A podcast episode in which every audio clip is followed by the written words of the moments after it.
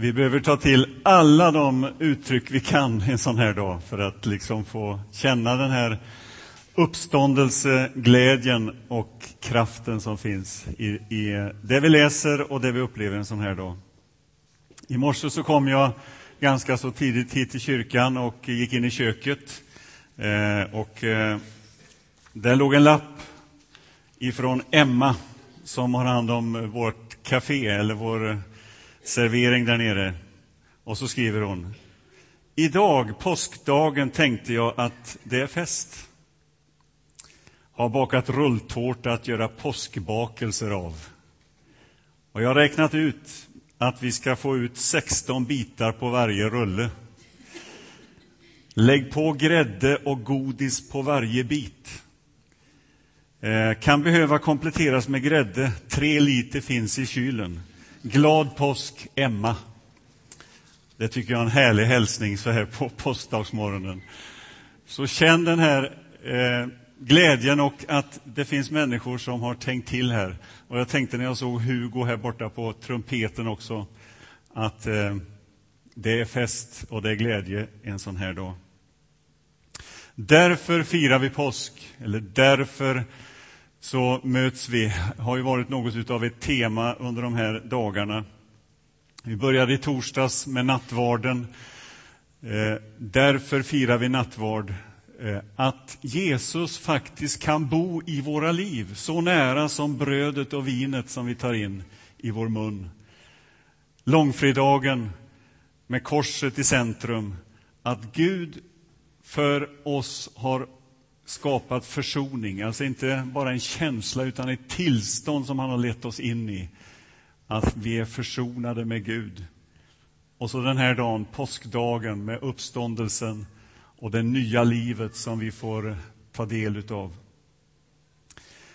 Den här dagen är ju eh, en dag som liksom vänder upp och ner på allt det som vi kan föreställa oss. Här möter vi den mörkaste förtvivlan och som byts mot den allra största glädjen. Eh, och den här överraskningen, den här oväntade som sker, som vi läser i de här texterna. Från hopplöshet till hopp, från dödsfruktan till liv. Och de här orden som vi använder räcker liksom inte till en sån här dag. Vi kan tala om sensation, vi kan tala om mot alla odds. Vi kan tala om fullständigt ofattbart, om någonting enastående, om någonting som är helt unikt, som aldrig har hänt i historien tidigare. Alltså den här händelsen med Jesu uppståndelse kan inte liknas vid någonting annat. Här möts både dåtid och nutid. Eh, det har skett och det kan ske igen. Alltså det är inte en vanlig historisk händelse som vi sen lägger bakom oss, utan den kan upprepas i våra liv med uppståndelsen från de döda. Alltså uppståndelsen är inte en, en lärosats som vi kan argumentera kring. Det är inte en tes som vi ska försöka bevisa och försvara. Utan det är liv och handling i Kristus själv, hur han den levande kan bo i våra liv. Hur han rör sig i vår tid, på våra gator, på våra torg, där vi finns. Och att vara kristen är att möta denne Jesus personligen. Och hela tillvaron handlar om hur det här mötet förvandlar våra liv. Ett nytt synsätt, ett nytt innehåll. Joakim läste här från eh, berättelsen om när kvinnorna kommer till graven. Hur de har suttit med den här smörjelsen och oljan som de hade gjort i ordning. De har ju faktiskt suttit i, i två nätter och en hel dag med detta framför sig och tänkt, hur ska vi få till det? Eh, och det som händer är ju totalt oförberett och oväntat. Trots att Jesus vid ett flertal tillfällen, ja, många gånger hade talat om att han skulle lida, att han skulle dö och att han skulle uppstå, så var det som att det gick inte in på något sätt hos lärjungarna. Och det är ju ett psykologiskt faktum att vi hör bara det som vi är förberedda på att höra. Och det är, det är också ett faktum att vi har väldigt svårt när sorgen drabbar oss att ta in det i våra liv. Vi, vi stänger det utanför oss. Det är så vi fungerar. Och så var det för lärjungarna och så var det för de här kvinnorna som är på väg till graven. Kvinnorna är på väg till graven utrustade med den här oljan för att balsamera Jesu kropp. Eh, dessutom så, så, är det ju på det viset att Johannes då, han, han berättar i sin berättelse, de här, den här berättelsen om Jesu uppståndelse finns ju med i alla evangelierna. Och Johannes berättar om att, att eh, Jesus redan var smord utav Nikodemus innan kroppen lades i graven.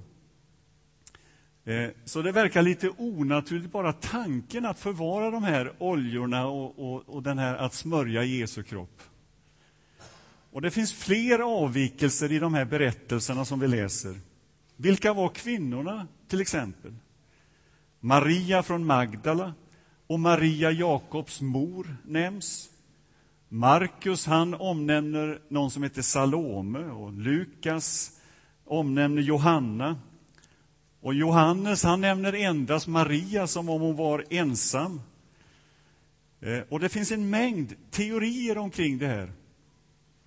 Och Jag ska inte ge mig in på dem, men låt oss bara konstatera att Nya testamentet inte på något sätt försöker att redigera eller tillrättalägga de här sakerna som vi upplever som motsägelser.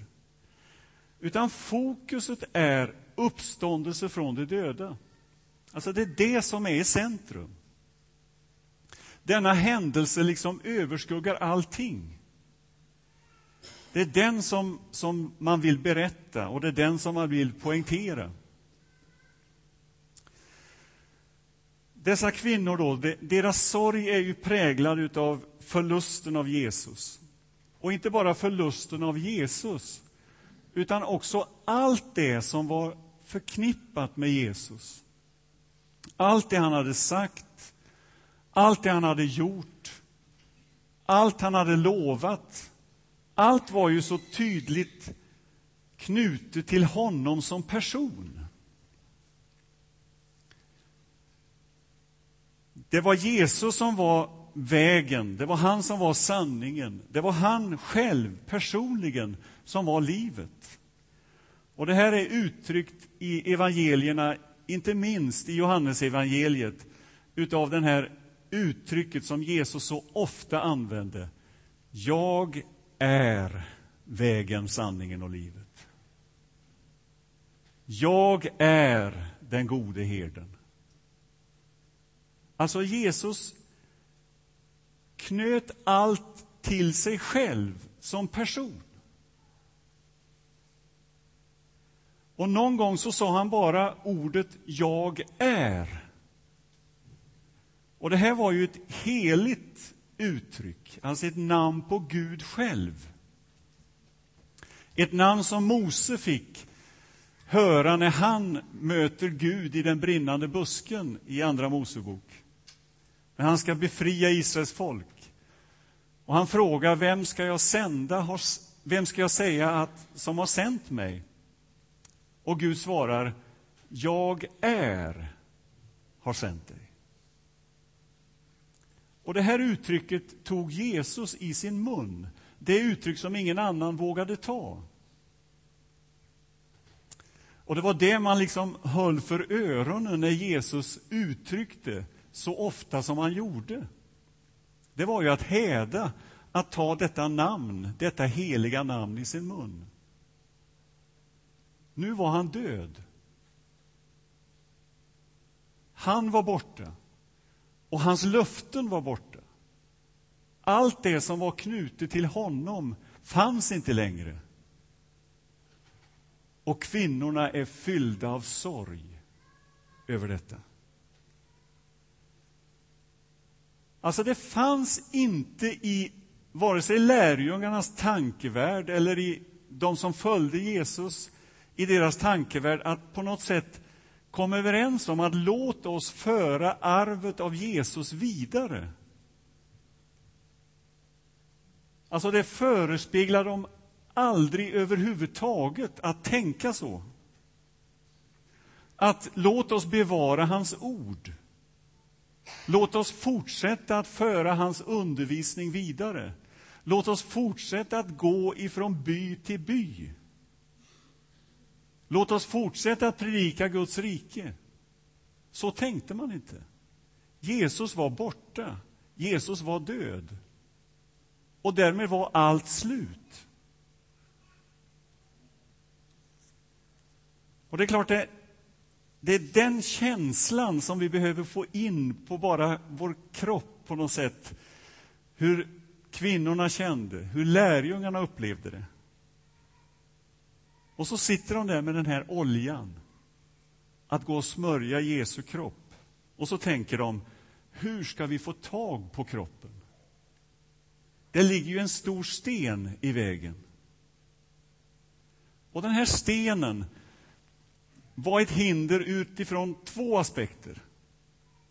För det första så var det en stor sten, en tung sten, en förseglad sten och en bevakad sten. Alltså, det var ett omöjligt projekt egentligen. Och ändå går de. Det kanske löser sig ändå. Det fanns ju lite optimism ändå hos dessa kvinnor. Vem ska rulla undan stenen för oss?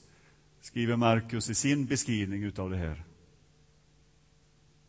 Praktiskt omöjligt och ändå inte helt uteslutet att få tag på kroppen. Och ibland så tänker vi ofta på samma sätt. Alltså en del hinder ligger i vägen för oss att nå fram till Jesus. Om jag bara hade större tro. Om bara omständigheterna såg ut på ett annat sätt. Och så ser vi på något sätt praktiska hinder som hindrar oss att nå fram till denne Jesus. För det andra så är ju den här stenen en, en markering som på ett definitivt sätt avgränsar liv och död. Den gräns som vi inte vet någonting bortom.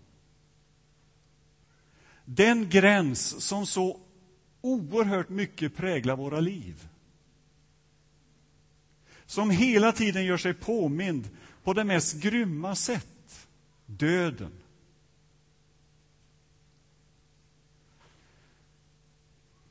Alltså, jag har ett par år kvar till 60 och har börjat tänka så här att vad väldigt vad tiden går fort. Och jag har sagt det många gånger eh, på senare tid, vad tiden går fort. Och när man börjar få barnbarn och allting så tänker man, ja men så var det ju inte förr. Alltså när jag var ung och rask, då gick tiden mycket långsammare.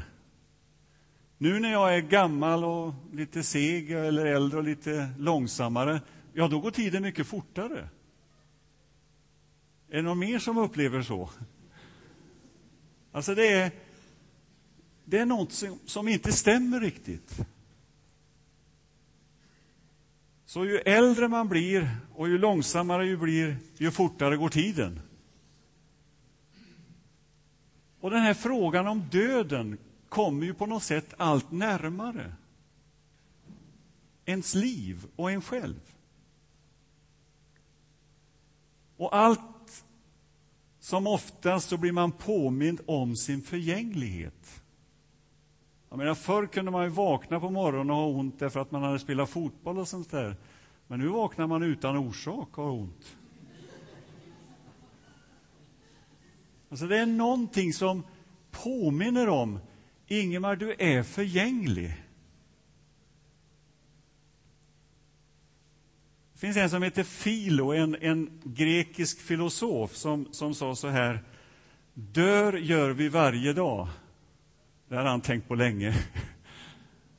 Och det är ju en, en härlig passning på något sätt.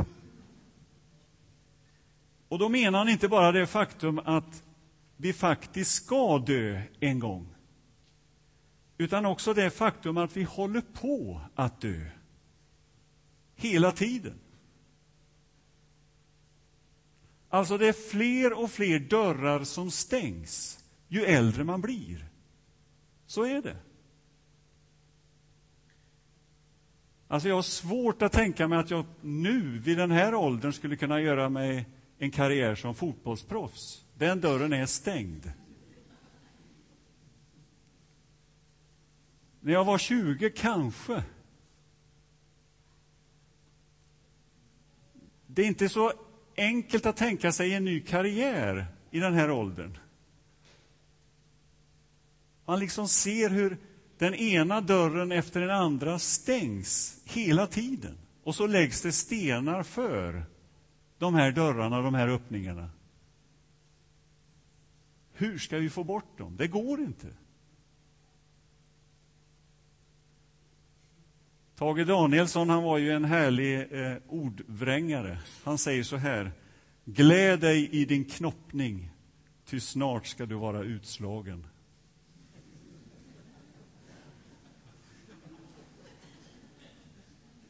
Det kan ni ta med er idag. Jag har varit inne och läst på, på, på nätet under de här förberedelserna för den här predikan. Och skrev in dödsångest.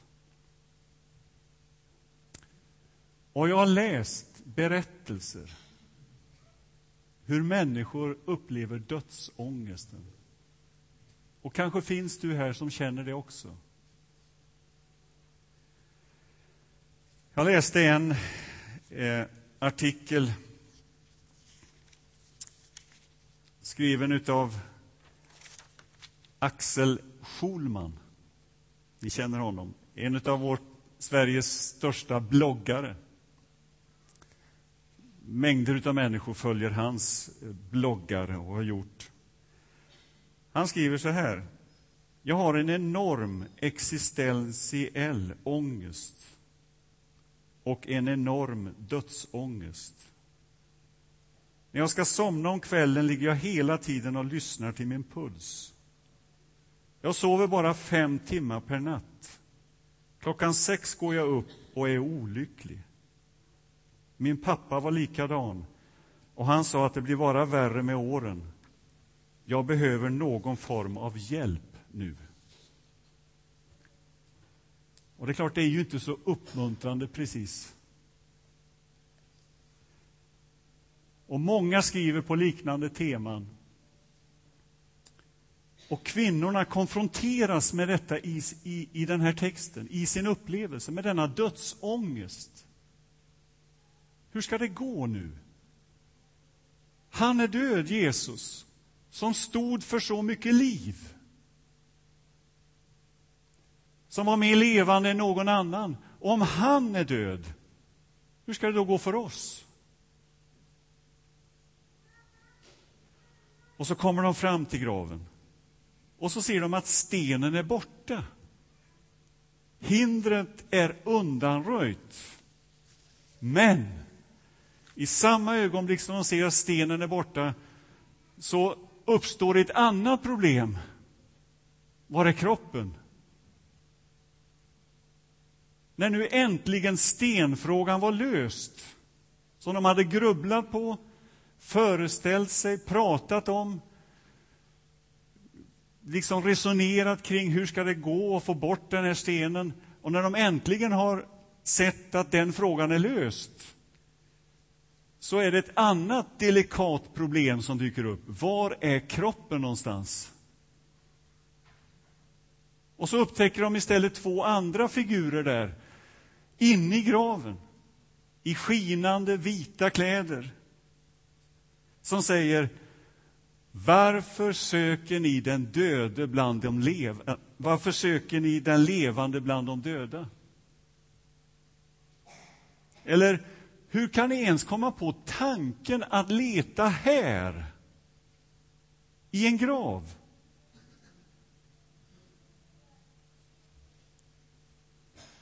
Och därmed så är de här båda aspekterna som jag tecknade omkring stenen, att den var stor och tung och att den var förknippad med dödsångest och förtvivlan, allt det var borta.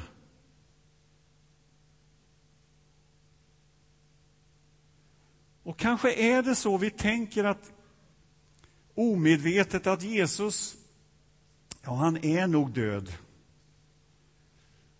Och vi har svårt att liksom ta in detta, att han faktiskt är levande, uppstånden. Att han finns mitt ibland oss. Och det är ju det som händer, att vi liksom omedvetet börjar tänka oss Jesus som död när tron blir statisk. När den inte blir levande. Och det är så lätt att kristen tro blir en, en rit eller en kult kring den döde Jesus. Och Gud hjälper oss att vi inte blir en kyrka eller personligen blir som bara förvaltar hans minne på något sätt. Att vi för liksom arvet vidare. Att vi vårdar hans intentioner. Att vi håller på traditionerna. Att vi minns sångerna, hur de var en gång. Han är inte bland de döda. Det är ju vändningen i den här texten. Han är här. Han är inte i graven. Han vandrar fortfarande fram, botar sjuka, upprättar, talar, kallar människor in i gemenskap och kallar människor till uppdrag. Precis som vi läser om i evangelierna. Han är densamme.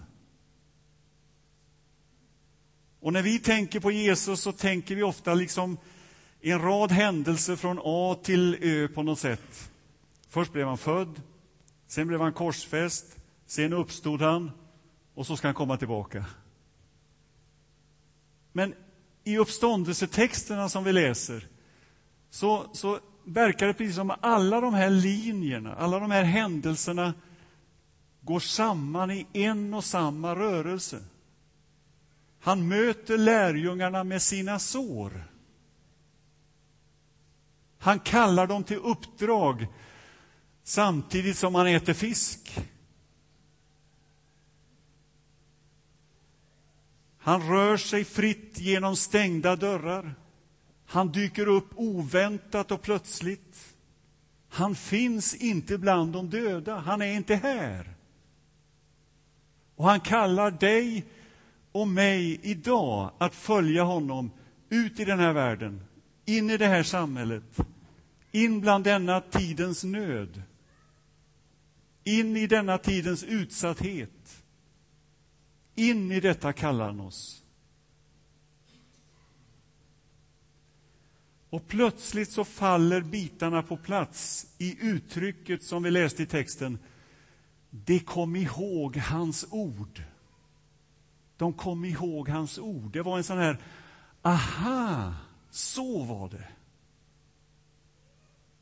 Och så börjar de springa. Och de kommer ihåg orden ”jag är” och tänkte under språngmarschen om det nu är så att han lever, ja, men då gäller ju allt. Om han inte bara var, utan är, vad betyder det för oss? Och denna påskdagsmorgon på något sätt förändrar allting. Och de goda nyheterna i den här berättelsen är ju inte att du inte ska dö, för det ska du. Utan de goda nyheterna är att döden är besegrad. Att den inte är det slutliga. Alltså, dö ska vi alla en gång. Men de goda nyheterna är att du kan få möta döden innan du dör. Så att när den dagen kommer och du ska dö, då har du redan varit med om det. Och det är den döden som har förlorat sin udd. Vi lever alla under förgängelsens villkor. Men jag har mött denne Jesus som dog och som uppstod för mig. Hans liv finns i mitt liv. Och därmed så har den här fruktan, ångesten på något sätt fått släppa sitt grepp. Och hela mitt tillvaro är förändrad efter detta möte. En ny världsbild, en ny syn på döden som inte innebär ett, ett, ett slut, utan en övergång in i någonting större. Thomas Tranströmer han skriver det har blivit en spricka i muren. En spricka som gör att det här definitiva inte är längre definitivt och slutligt. Jag ser på livet på ett annat sätt. Och till sist, om det nu är så att Jesus har uppstått, uppstått resonerar Paulus, ja, då gäller allt. Då är inte bara det eviga livet vårt, utan också livet här har förändrats. Och när jag läste den här eh, första Korintierbrevet 15, som ju handlar om hela, som handlar, hela kapitlet handlar om uppståndelsen, så, så får Paulus på något sätt tillrättavisa sina korintska vänner att om tron på det uppståndelsen bara gäller livet här, säger han, då är vi de mest fåfänga av alla människor. Och jag tänkte när jag läste det, för oss är det nog tvärtom. Att vi tänker oss att, att få Jesus handlar om att få sin evighet bärgad där, bortom döden. Och Paulus behöver säga till oss att om bara det gäller där borta och inte här, ja, då är det inte mycket värt. Alltså, uppståndelsen kastar sitt ljus över oss här och nu.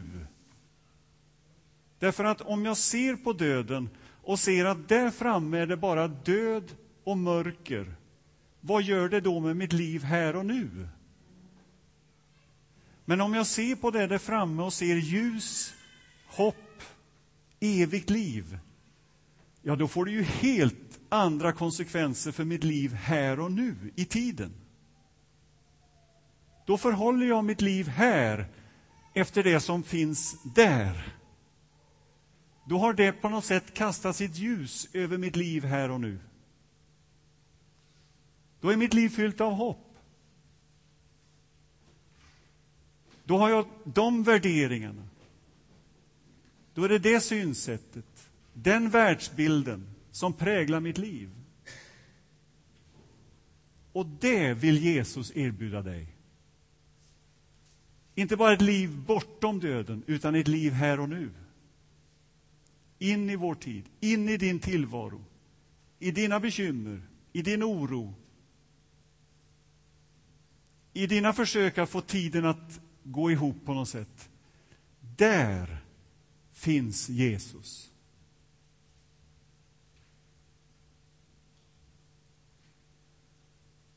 Och så har på något sätt framtiden redan börjat.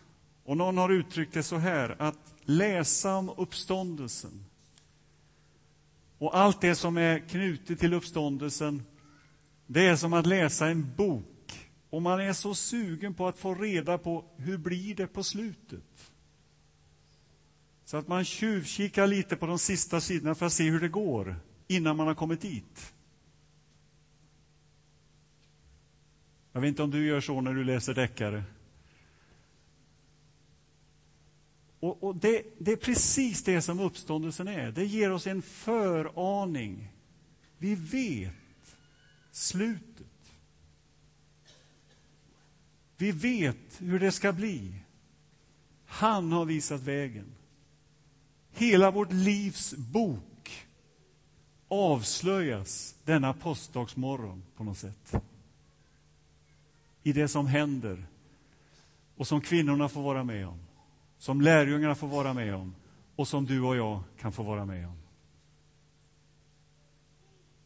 Att möta den uppståndne Jesus. Amen. Låt oss be.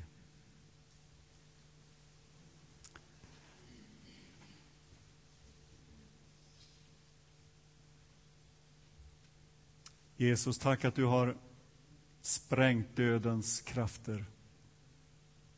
Att du har övervunnit. Och att du är den oövervinnlige segraren. Att du mot alla odds har skapat hopp, ljus. Tack att du är här och erbjuder oss ditt liv. Tack att vi får ta emot det genom din gode helige Ande in i våra liv.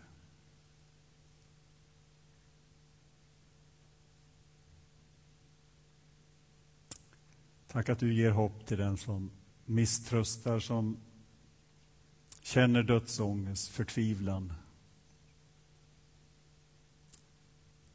Tack att du är det svar vi behöver. Det liv vi längtar efter. Tack att du är vår framtid och vårt hopp. Amen.